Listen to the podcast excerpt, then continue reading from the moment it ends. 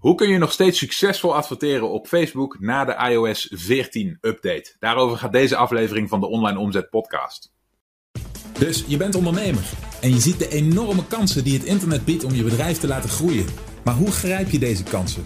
Wat moet jij doen om in de online wereld je bereik, impact en je resultaten te laten groeien? Mijn naam is Michiel Kremers en in deze podcast neem ik je mee achter de schermen in een modern, hardgroeiend online bedrijf en ontdek jij het antwoord op de vraag: hoe worden kleine ondernemers groot?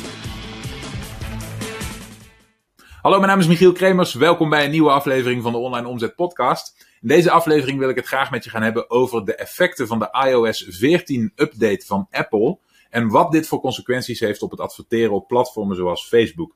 Een aantal van jullie hebben hierover gemaild de afgelopen weken. En uh, ja, langzaamaan is duidelijk geworden dat we er niet meer omheen kunnen. De iOS 14 updates zijn inmiddels aan het uitrollen. En we zien daarvan de effecten terug in het landschap van advertising. Dus vandaag wilde ik een, uh, een aflevering uh, dedicaten aan dit onderwerp. Want de vraag die, die voor heel veel mensen voor, voor onzekerheid zorgt is: kan ik nu nog wel conversiedata van klanten verzamelen en mijn campagnes daarop optimaliseren? Als je een klein beetje verder bent met Facebook adverteren, dan weet je dat echt succes daarbij heel erg afhangt van conversion tracking data van klanten. In andere woorden, je moet een campagne kunnen leren wie jouw klanten zijn, wie jouw betalende klanten zijn. Om hem vervolgens op basis van zijn algoritme te laten zoeken naar meer van dat soort waardevolle klanten. Nou, hoe dat nu in zijn werk gaat en hoe dat in zijn werk gaat na deze iOS 14 update en wat de oplossingen zijn die Facebook onder andere hiervoor heeft bedacht, daarover gaat deze aflevering. Daar heb ik een video voor opgenomen en die wil ik heel graag met je delen, dus laten we snel gaan kijken. Dus met jullie uh, goedkeuren wil ik daarmee beginnen. Dat is namelijk de veranderingen die op dit moment optreden in de wereld van uh, internet, specifiek de infrastructuur van internet uh, en daarin is een, een, een, beweging gaande, die is gekickstart door Apple. En dat is eigenlijk een uh, beweging bij het systeem van cookies vandaan. Voor degene die dat, um, die dat wel of niet meegekregen heeft, hè, uh, het probleem rondom cookies is natuurlijk dat door het opslaan van cookies in je browser kunnen websites en, en, en software kunnen op het individu tracken wat er gebeurt, hè, tracken wat jij doet.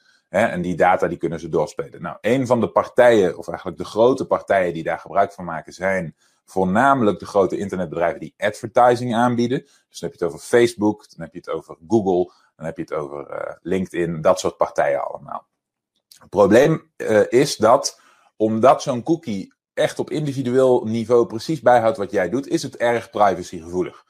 Dat zal ik ook zeker nooit tegenspreken. Dus er is al wel langer um, een beweging gaande dat er, dat er langzaamaan verder gekeken wordt. Dat er druk tegen, tegen gezet wordt. Dat uh, bijvoorbeeld de EU met zijn privacywet dat steeds ja, meer aan banden is gaan leggen.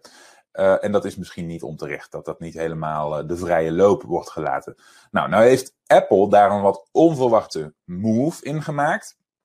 Die hebben namelijk sinds het uitrollen van iOS 14 een functie ingebouwd waarbij vanaf nu elke, elke app of elk systeem wat er op die smartphone staat of op dat besturingssysteem staat, daarbij kun jij als gebruiker op het moment dat je het, dat je het in gebruik neemt, of, of, oftewel als je die, die iOS installeert of als je een app installeert, kun jij kiezen dat die app geen cookies mag opslaan. Dat die geen data, persoonlijke data van jou mag doorspelen aan derden. Dus om een voorbeeldje te geven, als jij een, uh, een iPhone hebt en jij upgrade naar iOS 14 en jij installeert de Facebook app om te Facebooken, oké, dan krijg je voortaan een hele grote dikke melding te zien met, hey, wil jij dat deze app jouw persoonlijke data mag doorspelen? Dat, dat noemen ze een opt-in of een opt-out. Jullie weten daar alles van, het, het geven van goedkeuring voor dingen. En het probleem is, dat is natuurlijk een heel onaantrekkelijk idee. Dus de, de verwachting en de, de, de waarschijnlijke neiging van de meeste mensen zal zijn om dus te opt-outen. Om dus te zorgen dat software op, die, uh, op Apple-systemen geen data meer kan doorspelen. Dus er kunnen dan niet meer zomaar cookies opgeslagen worden. De data die die cookies verzamelen kunnen niet zomaar weer meer doorgespeeld worden. Wat heeft dat nu voor gevolgen? Dat heeft als gevolg dat, dat de, vooral de grote advertentie partijen, oké, die draaien op het profileren van mensen. Dus die draaien op, hè, neem bijvoorbeeld Facebook, als je wel eens met Facebook Ads hebt gewerkt. Uh, bij Facebook Ads is een van de belangrijkste dingen die je doet bij het bouwen van een campagne, is targeting. In andere woorden, het selecteren van de juiste doelgroep waarin, uh, die jij wil bereiken. Oké? Dus wat doet Facebook? Facebook verzamelt data, verzamelt data van al die mensen. Die verzamelt data van wat ze bezoeken op het internet. Die verzamelt data van wat ze liken op Facebook zelf, waar ze naar kijken. Welk videootje op hun tijdlijn net wat langer dan drie seconden bekeken wordt. Waar ze uh, welke posts, als ze er langs scrollen, waar ze net even wat langer bij blijven hangen. Zo maken ze een heel diepgaand profiel van jou als gebruiker. En vervolgens linken ze jouw profiel aan heel veel andere profielen. Nou, wat betekent dat dan? Want dit, is een belangrijk onderdeel van deze discussie.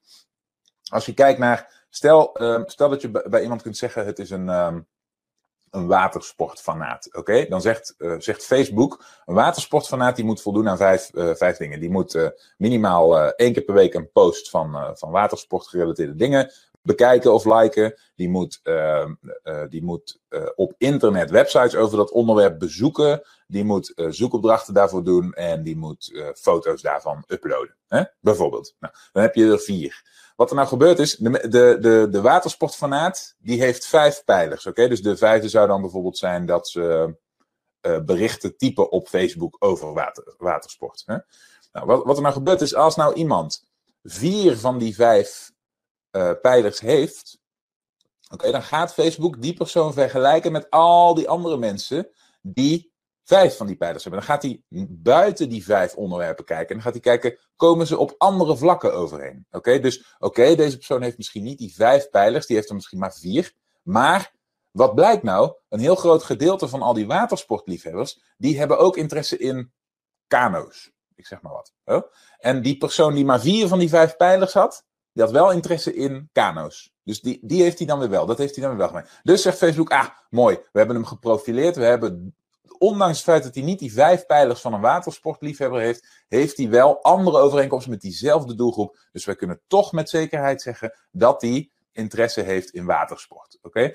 Dit idee, deze gedachtegang, dit wordt uitgevoerd door een algoritme op een enorm grote schaal. Oké, gigantisch grote schaal. Dus dat gaat heel diep en dat gebeurt dan niet op vijf pijlers, maar honderden of zelfs duizenden per persoon. Wat gebeurt er dan? Dan word jij als individu in jouw gedrag vergeleken met mensen die gedrag vertonen wat bijvoorbeeld een stapje verder is. Dus ik zeg maar wat. Stel, wij willen targeten op mensen die, zo, uh, waarschijnlijk, die binnen onze doelgroep vallen hè, en dus zo waarschijnlijk mogelijk onze digitale cursus kopen. Stel, we hebben een digitale cursus. Hè. Uh, wat, wat er dan gebeurt is, wij gaan dat tracken. Hè, dus we hebben een aantal klanten. Dus we weten, die klanten die, uh, hè, die, die hebben bepaalde eigenschappen. Dus Facebook die krijgt van jou de data van jouw klanten. En die kijkt vervolgens in de profielen die ze al hebben van die mensen, kijken ze wat daar allemaal aan data in zit. Wat daar allemaal van data points zijn. En dat kunnen er honderden of zelfs duizenden per persoon zijn. Vervolgens gaat hij die vergelijken met elkaar. Dus stel dat jij duizend klanten hebt, hè, dan heb je heel veel data. Dan gaat hij die duizend klanten allemaal met elkaar vergelijken. En hij weet dan, ah, die mensen hebben allemaal al gekocht. Oké? En vervolgens gaat hij op zoek in de rest van het platform van Facebook naar mensen die zoveel mogelijk van die data points ook hebben, die zo dicht mogelijk bij dat profiel komen. En als jij dan een advertentiecampagne runt met als doel verkopen genereren voor dat product, oké, dan gaat hij die advertenties laten zien aan die mensen die, die, die dicht bij dat profiel zitten van die kopende klanten. Oké? Nou, waarom begin ik over dat profileren? Het is heel belangrijk, omdat nu Apple dat voortouw heeft genomen en heeft gezegd: hé, hey, dat met die cookies, daar moeten we mee, eh, mee, gaan, mee gaan oppassen. Dus wij bouwen als eerste, wij, willen de good boys zijn. Dus wij zijn zogenaamd de eerste die bedenken dat, uh, dat, dat privacy belangrijk is. Hè. Dus overduidelijk is het een, uh, een, een marketing stunt dit hoor, want het, het ging daar allemaal al lang naartoe. Maar Apple wil graag de eerste zijn die wil dat onder zijn naam hebben. Dus wat gebeurt er nu? Nu hebben die grote platformen zoals Facebook en Google, die hebben daar nu actie op ondernomen. En vooral Facebook is meteen uh, zeg maar overstag gegaan. Dus die, die hebben meteen een systeem uitgerold om hiermee om te gaan. Google was er al wat langer mee bezig, maar die hebben het volgens mij nog niet zo concreet in hun interface verwerkt als dat Facebook dat ineens heeft gedaan. Nou, wat heeft, waar heeft dat nu voor gezorgd? Dat heeft ervoor gezorgd dat het tracken op Facebook, de instellingen daarvoor, ineens drastisch zijn veranderd. Dat zie je terug in de Facebook Ads interface. Dus ineens ontplofte het, de wereld van internetmarketing met ondernemers en marketers die zich zorgen maken omdat ze ineens allemaal functies zien in Facebook die ze niet herkennen, omdat hun tracking ineens niet goed meer werkt, omdat bepaalde cijfers niet goed meer doorkomen, omdat het ineens allemaal niet meer was zoals vroeger. Oké, straks, straks komt er een moraal van dit verhaal en die heeft hiermee te maken, oké? Maar wat er dus gebeurde is, wat Facebook heeft gedaan is, die heeft gezegd, oké, wacht even, dus als Apple dit doet, duidelijk, dan betekent dat dat wij straks niet meer kunnen rekenen op data van cookies. Want daar begon het verhaal mee. Hè? Dus die, die gebruikers die kunnen straks geen cookies meer, geen cookie data meer leveren. Oké? Hetzelfde zal straks ongetwijfeld niet alleen gelden voor Apple, maar ook voor iedereen met een Android-telefoon. En ook voor iemand met een Windows-computer. Langzaamaan bewegen de dingen die kant op. Bewegen weg bij cookies. En dan komt de term uh, om de hoek kijken waar dit nu allemaal over gaat. Het alternatief voor cookies waar, men, waar, waar die grote partijen nu op aan het ontwikkelen zijn. En dan hoop ik dat ik het goed schrijf.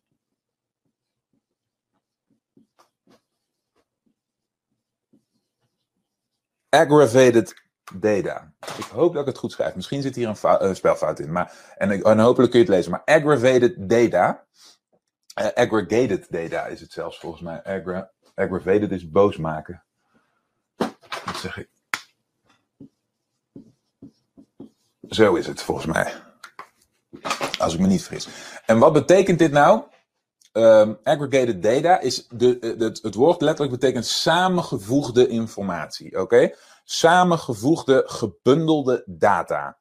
En wat doet aggravated data? De filosofie hierachter is dat omdat die partijen eigenlijk verboden wordt, deze manier, het wordt eigenlijk onmogelijk gemaakt wordt om individuele data te verzamelen voor jou. Want daar gaat het om. Hè? Men wil de privacy waarborgen. Oké? Men ziet dat wereldwijd de, de trend steeds meer is dat mensen een probleem hebben met, uh, met, met, met al die open data en die, die privacygevoelige dingen die alsmaar uitlekken en alle problemen van dien. Dus je ziet dat mensen graag beschermd willen zijn. En de grote partijen zijn commercieel, dus die spelen in op de vraag van de markt.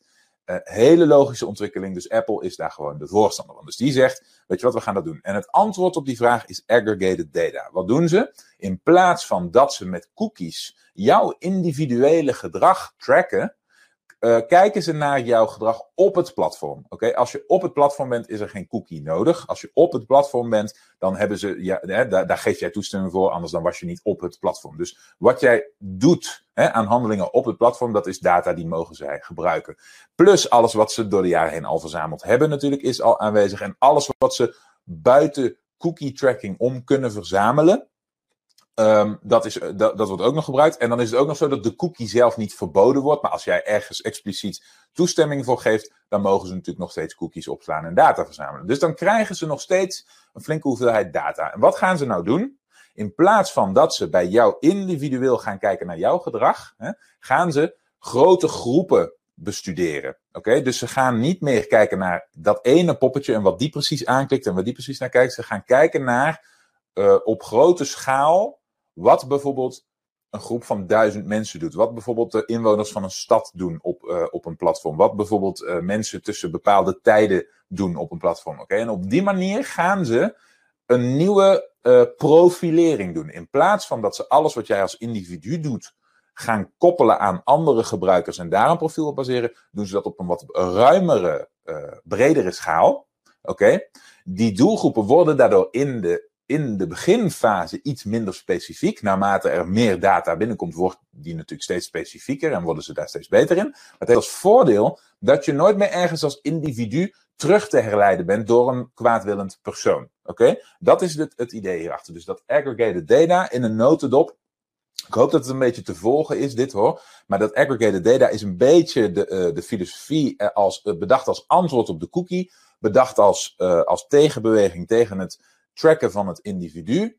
En dan toch nog voldoende data kunnen verzamelen op een veilige manier, zodat getarget kan worden op internet. Dit hele verhaal ontstaat omdat adverteerders nu eenmaal de juiste mensen moeten kunnen bereiken. Als ze dat niet meer kunnen, dan is er geen reden meer om te adverteren. En dan vallen de inkomstenstromen van Facebook, Google, Microsoft enzovoort. Nou, Microsoft misschien niet, maar uh, LinkedIn, al dat soort partijen meteen weg. Oké? Echt, dan vallen ze om. één voor één. Want dat is waar ze op draaien. Oké? Dus dit is de reden dat er op dit moment zo'n groot vuurwerk gaande is in de wereld van advertising. Dat is gespearhead door Apple. Die heeft meteen stappen gezet. En Facebook is hier vooral bovenop gedoken. Dus die hebben nu hun interface veranderd om ervoor te gaan zorgen dat je er op de juiste manier mee omgaat. Nou, oké. Wat die veranderingen dan precies inhouden, dat vind ik uh, niet zo belangrijk voor nu. Daar kun je op YouTube heel veel over vinden. Facebook heeft fantastisch supportmateriaal ontwikkeld voor je als je daarmee worstelt. Dus als je adverteert op Facebook en je hebt gezien, hé, hey, mijn tracking werkt niet meer goed. Hé, hey, ik zie overal grote vraagtekens bij staan of uitroeptekens dat er instellingen niet goed staan. Dan kun je dat vanzelf uh, uitvogelen. Als er nou meerdere van jullie zijn die hier tegenaan lopen en daar niet aan uitkomen, want het kan een beetje complex zijn in het begin, laat het ons dan weten via die support. Want dan ga ik hier volgende keer even wat dieper op in. En dan lopen we ook even door die instellingen heen. Maar nogmaals, ik denk dat jullie daar best aan uit kunnen komen. Oké. Dus dat, uh, dat was even de. Die, die kwam er even tussendoor vliegen, omdat dit nu zo uh, actueel is en hot and happening. Ik dacht, daar, neem ik even een. Uh, daar maak ik even een momentje de tijd voor. Even kijken. Nele, bij jou gaat het inmiddels ook over adverteren, zie ik. Want jij zegt met mijn vorige advertentie veel extra kliks. Mm, en toch enkele boeken verkocht. Nu met een andere targeting gewerkt sinds gisteren. Ben benieuwd naar de resultaten. Heb nu voor vier dagen 16 euro betaald. Moet ik voor meer gaan of niet? Ja, nee, een hele goede vraag. Bij adverteren, hier hebben we het vaak over gehad, is de, het hele idee is dat je de kosten terug moet verdienen van het adverteren. Dus als jij uh, eh, 16 euro investeert, wat overigens heel weinig is, hè? Ik kom er zo direct eventjes op terug waarom dat weinig is. Hè? Wanneer is iets weinig en veel? Daar, daar kun je echt dingen over zeggen. Um, dat, het hangt allemaal af van of je terugverdient. Dus jij zegt dat je voor je vorige advertentie, dat je daarin een aantal, uh, dat je veel extra kliks genereerde en een aantal boeken verkocht. Daar gaat het om. Dus uh, de vraag is eigenlijk, hoeveel heb je in die vorige advertentie geïnvesteerd? En heb je die kosten terugverdiend met die paar boeken die je hebt verkocht? Oké. Als het antwoord ja is, dan zou je die advertentie überhaupt nooit uit moeten zetten. Heel belangrijk, het klinkt een beetje in jouw bericht alsof je een tijdelijke advertentie hebt gerund. Dat je van tevoren een budget van 16 euro hebt, uh, nu hebt ingesteld en dat je dat laat lopen en dat die dan eindigt. Bij Facebook advertenties moet je nooit een einddatum instellen. Je moet altijd proberen dat algoritme tot een punt te laten komen dat hij iedere dag een bepaald budget spendeert. En dat hij dat op zo stabiel mogelijke wijze constant blijft spenderen aan het tonen van je advertentie aan de juiste mensen, zodat er een stabiele stroom van kopende klanten binnenkomt. En het probleem van tijdelijk adverteren, als je er een einddatum aan geeft, is dat hij maar gedurende een hele korte tijd een klein beetje data verzamelt. Dat moet hij dan heel snel doen. Eh, dat lukt hem niet, want het is ten eerste te weinig tijd en ten tweede te weinig budget. En dan moet hij vervolgens nog, heeft hij nog net een heel klein beetje tijd om dan ook daadwerkelijk te proberen raak te schieten. In plaats daarvan wil je hem rustig door laten lopen. Dus begin simpelweg. Dit is een beetje mijn, mijn vuistregel hoor. Het is nog steeds vrij krap. Maar begin met een, begin met een tientje dagbudget. 10 euro per dag. Klinkt misschien veel. Maar als Facebook na een aantal dagen voldoende data heeft verzameld. dan weet hij steeds beter aan wie die die advertentie moet tonen. Het is heel belangrijk dat je conver conversietracking goed instelt hierbij nogmaals, maar dit, ik neem aan dat jullie dit weten, hè, want hier, dit, ga ik diep op in het programma. Maar je mag nooit adverteren op deze platforms zonder conversies te tracken. Hè, dus zonder conversion tracking goed in te stellen. Als dat niet goed ingesteld staat, dan gooi je geld tegen de muur. Dan gooi je geld weg. Oké? Want het gaat er allemaal, maar het gaat allemaal om één ding. Het gaat niet om dat je een paar boeken verkoopt. Het gaat erom dat jij investeert dat er boeken verkocht worden en dat het algoritme leert aan wie die boeken verkocht zijn. Weet je nog, dat profileren. Hij moet weten wie die boeken hebben gekocht. Hij moet weten wat voor mensen dat zijn. Hij moet die mensen met elkaar gaan vergelijken. En hij moet leren. Ah, wacht eens eventjes. Die hebben allemaal dit en dit en dit en dit gemeen met elkaar. Ah, wacht even. Dus ik moet meer van dat soort mensen gaan bereiken met die advertentie. Want die kopen dat boek. Oké, dus het is heel belangrijk dat conversion tracking goed staat ingesteld. Anders weet Facebook niet wanneer je iets verkoopt. En vervolgens is het belangrijk dat je hem voldoende ruimte geeft om te leren. En die ruimte geef je hem met budget en met tijd. Dus geen einddatum, lekker door laten lopen, werken met een dagbudget. En dat dagbudget, ja, zo ruim als je hem kunt maken. Oké, zo ruim als je hem kunt maken. Maar liefst nooit onder de 10 euro. 10 euro is eigenlijk al te weinig. En dat brengt me meteen bij een ander wat diepgaander feitje. Hè. Nogmaals, ik gooi hem maar gewoon in de groep voor degene die daar klaar voor is. Maar het Facebook-algoritme heeft ongeveer 50 conversies nodig in een week. Dus, uh, dus in zeven dagen tijd moet je ongeveer 50 conversies hebben. met het algoritme van Facebook om hem, om, om hem voldoende datapoints te geven om te leren wie die doelgroep is. Als je minder dan 50 verkopen in een week rijdt, dan ligt het te ver uit elkaar. Dan zijn er te veel verschillende factoren. Tijd is ook een factor, hè. Uh, dus uh, bij wijze van spreken, als iemand iets koopt op 15 januari of iemand koopt iets op 30 maart, oké, dan is het feit dat, dat januari een andere maand is dan maart, maakt dat het voor dat algoritme al moeilijk is om zeker te weten of die mensen nou om dezelfde redenen overtuigd zijn. Er zijn zoveel factoren van, op van invloed. Daarom is dit ook zo'n zo'n zo'n vaak ingewikkeld thema, hè, adverteren. Um, dus wat je wil proberen is om die factoren zo stabiel mogelijk te krijgen. En dan wordt budget belangrijk. Als je je budget heel erg afknijpt, hè, als je bijvoorbeeld inderdaad maar zou werken met, eh, met slechts, hè, dan zeg ik even slechts, een tientje per dag. Nogmaals, ik, ik noem dat slechts omdat het voor adverteren niet veel is. Het, hè, dus wel 70 euro per week is 280 euro per maand. Maar, zeg 300 euro per maand. Maar, um, uh, sorry.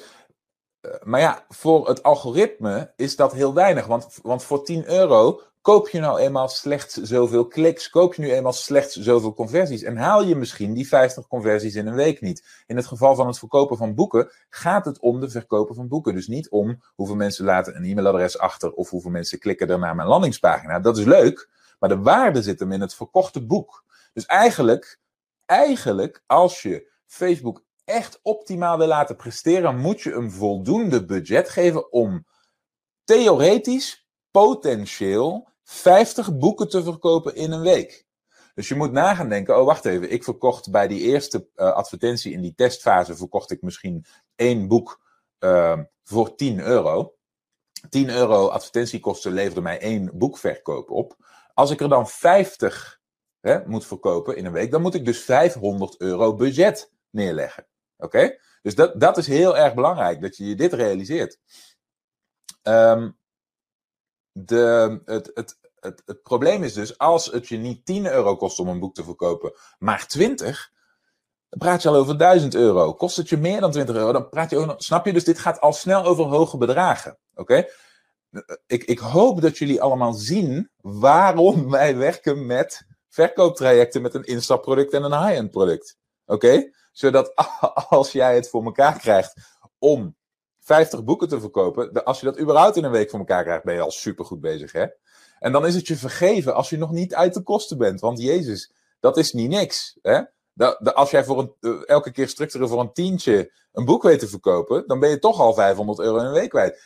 Snap je? Het is niet voor de hand liggend dat het je meteen lukt. Dus het is heel fijn als je dan van die 50 boeken die je verkocht hebt, ook een paar upsells hebt. Zodat het gemakkelijker wordt om dat budget terug te verdienen. Ik hoop dat dit allemaal als, als gesneden koek klinkt inmiddels voor jullie. Want we hebben dit al heel vaak besproken hè, en heel vaak herhaald. Dus hopelijk is dit duidelijk.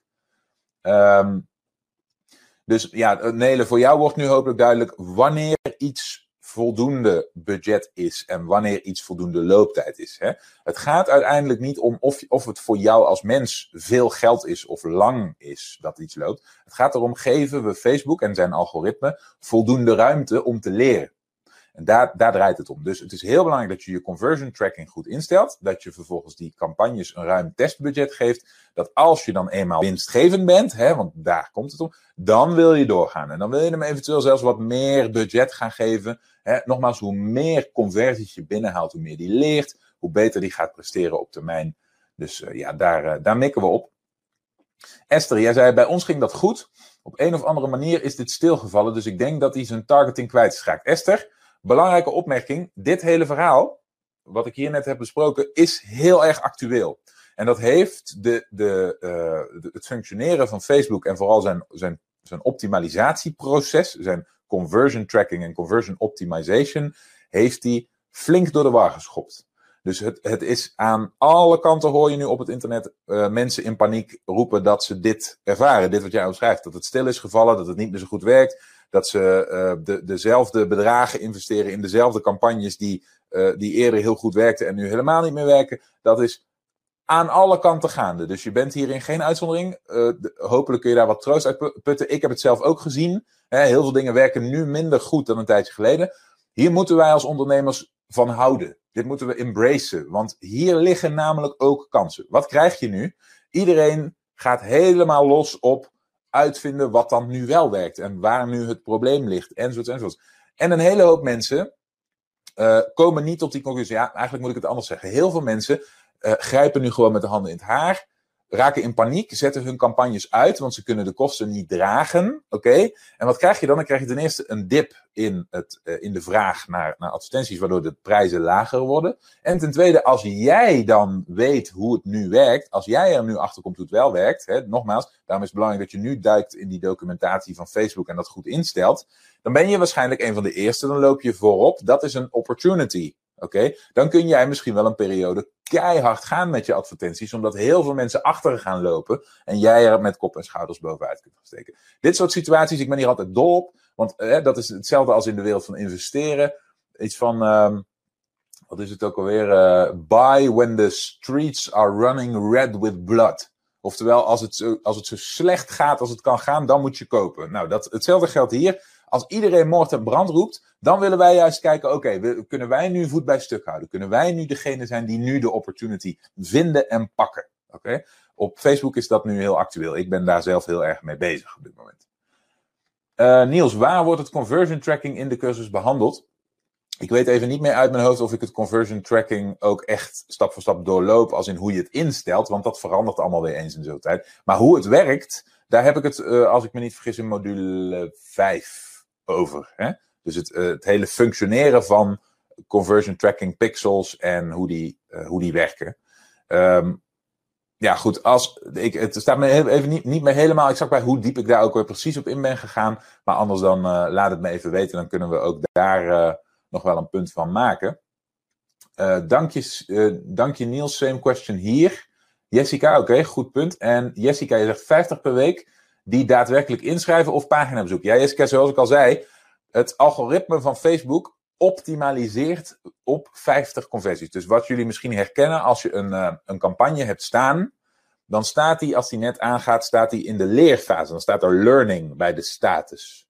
Die leerfase betekent dat Facebook met het algoritme aan het proberen is te achterhalen wie de doelgroep is en wat die mensen met elkaar gemeen hebben. Oftewel, hij probeert te achterhalen welk profiel die mensen hebben waar hij die advertentie aan moet gaan tonen om te slagen. Waar het om gaat, die 50, gaat om waar jij die advertentie op laat optimaliseren. Dus als jij hem laat optimaliseren op leads, als dat jouw doel is, dan laat je hem optimaliseren op leads. Dan betekent dat dat je 50 leads moet binnenhalen in een week tijd om Facebook een eerlijke kans te geven om dat profiel te maken. Maar eigenlijk willen we niet leads. Eigenlijk willen we verkopen. Het kan wel zijn dat we aan de voorkant uh, als eerste stap het vragen om een e-mailadres hebben en dus leads verzamelen. Dat is leuk. Maar wij willen niet zozeer dat Facebook de advertentie laat zien aan mensen die de grootste kans maken om een lead te worden. We willen dat Facebook de advertentie laat zien aan mensen die de grootste kans maken om een klant te worden. Dus wij willen onze advertentiecampagnes het liefst niet instellen op leads, hè, op optimaliseren voor leads. Nee, we willen hem het liefst instellen op optimaliseren voor verkopen, hè, op purchases. Dat is waar wij voor willen optimaliseren. En dan gaat Facebook kijken, kunnen we met de advertentie 50 verkopen meten in een week? Oké? Dus het gaat om waar jij jouw advertentiecampagne op hebt ingesteld. Je, als je een campagne maakt, dan stel je altijd het doel in, dat is conversies. En daarna bij de advertentiegroep stel je in welk conversiedoel dan. En dat moet altijd een vorm van een verkoop zijn. Dus bijvoorbeeld het purchase event. Daar gaat hij er dan 50 van meten. Als hem dat niet lukt, komt hij over het algemeen niet uit die leerfase. Dus dan staat er op een gegeven moment uh, learning. Iets, uh, volgens mij is de Nederlandse notitie die erbij staat, is leren beperkt. Dat betekent dat hij, dat hij geen 50 conversies binnen dat window van 7 dagen heeft kunnen genereren. Dan weet hij gewoon niet goed aan wie hij die advertentie moet laten zien. Dat soort advertenties, als die niet goed presteren, moet je die uitzetten en het opnieuw proberen. Esther, kan ik een, uh, een, een, aanpassing in mijn targeting doorvoeren in mijn lopende campagne? Ja, dat kan. En vrees daar ook niet te veel voor. Want um, als campagnes op een gegeven moment niet meer werken, dan is mijn ervaring dat ze over het algemeen ook niet zo snel meer gaan werken. Dus een, een groot gedeelte van adverteren en het optimaliseren van advertentiecampagnes is uh, trial and error. Dus nieuwe dingen proberen. Dus als jij een advertentiecampagne hebt met bepaalde instellingen die het op een gegeven moment goed gedaan heeft en nu niet meer, dan zou ik diezelfde instellingen nog een keer gebruiken voor een nieuwe campagne, maar daar dan bijvoorbeeld één of twee dingen aan veranderen. dus je, je kunt ze ook aanpassen aan die lopende campagne, want dan begint die eigenlijk toch opnieuw. Maar eh, nogmaals, ik, ik, deel maar gewoon mijn ervaring met jullie. Mijn ervaring is dat het beter werkt om even helemaal bij nul te beginnen en een nieuwe campagne op te zetten. Waarom? Omdat ik merk dat Facebook dan de neiging heeft om wat breder te schieten. En dan, dan krijg je soms, uh, dan, dan, raakt hij in die beginfase soms hele andere mensen en dan gaat hij soms een hele andere kant op. En dat is soms voordelig. Dan vindt hij soms juist sneller de juiste weg naar de juiste mensen. Dus het soms, soms is simpelweg je advertentiecampagnes even opnieuw opbouwen en even opnieuw lanceren is een, uh, een stap in de juiste richting.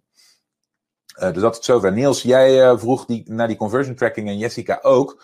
Dus ik merk dat dat, dat jullie niet bijstaat. Um, het is even geleden dat we het erover gehad hebben, dus we kunnen het wel eventjes opnieuw behandelen.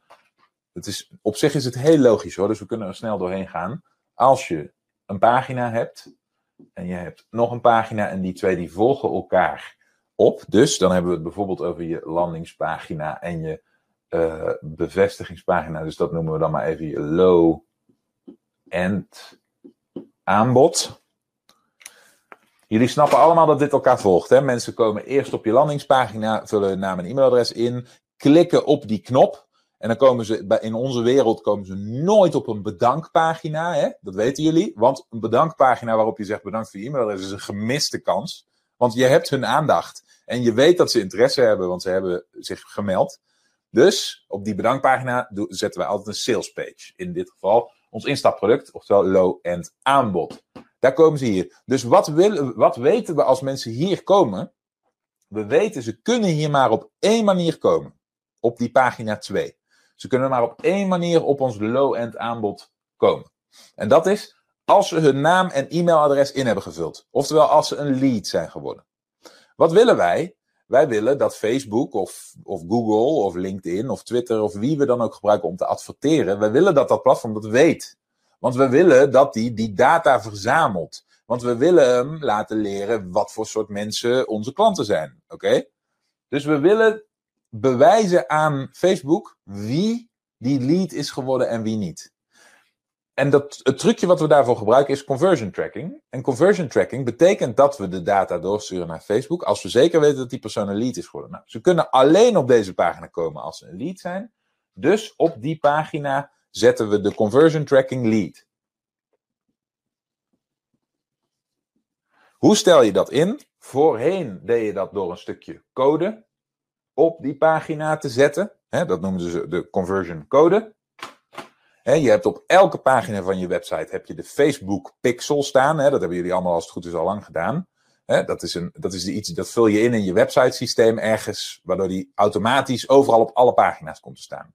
daardoor kan Google al je bezoekers zien. Maar dan weet, eh, Facebook al je bezoekers zien. Maar dan weet hij nog niet wat het betekent als iemand op deze pagina komt. En door dat stukje code, of door aan te geven via de Facebook interface, dat die pagina 2, dat dat betekent dat iemand een lead is geworden. Oké, gebruiker die op deze pagina komt is een lead. Dat stel je apart in. Oké, dus dat geef je echt als signaal aan Facebook door. Dat is conversion tracking.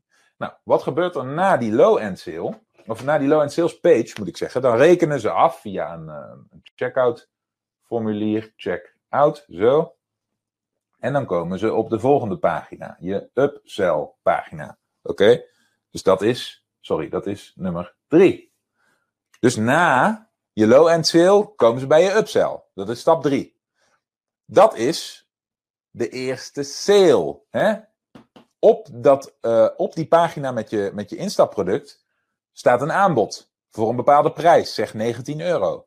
Ze gaan naar het checkout formulier, ze betalen en ze komen op je derde pagina, op je upsell. Dus weer, net als bij die pagina 2, weer geldt, ze kunnen alleen op die pagina komen. Alleen, alleen, alleen als ze gekocht hebben. Er is geen andere ingang naar die pagina. Je, daarom werken we nooit met menus. Daarom gaan we niet uh, leuke sidebars zetten met allemaal menustructuren in, zodat mensen lekker rond kunnen klikken en daar zelf naartoe kunnen klikken. Nee.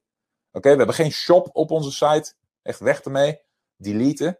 We, we gaan niet mensen daar naartoe gaan. Nee, nee. Ze doorlopen de stappen die wij hebben bedacht. Wij hebben bedacht landingspagina, instapproduct, upsell.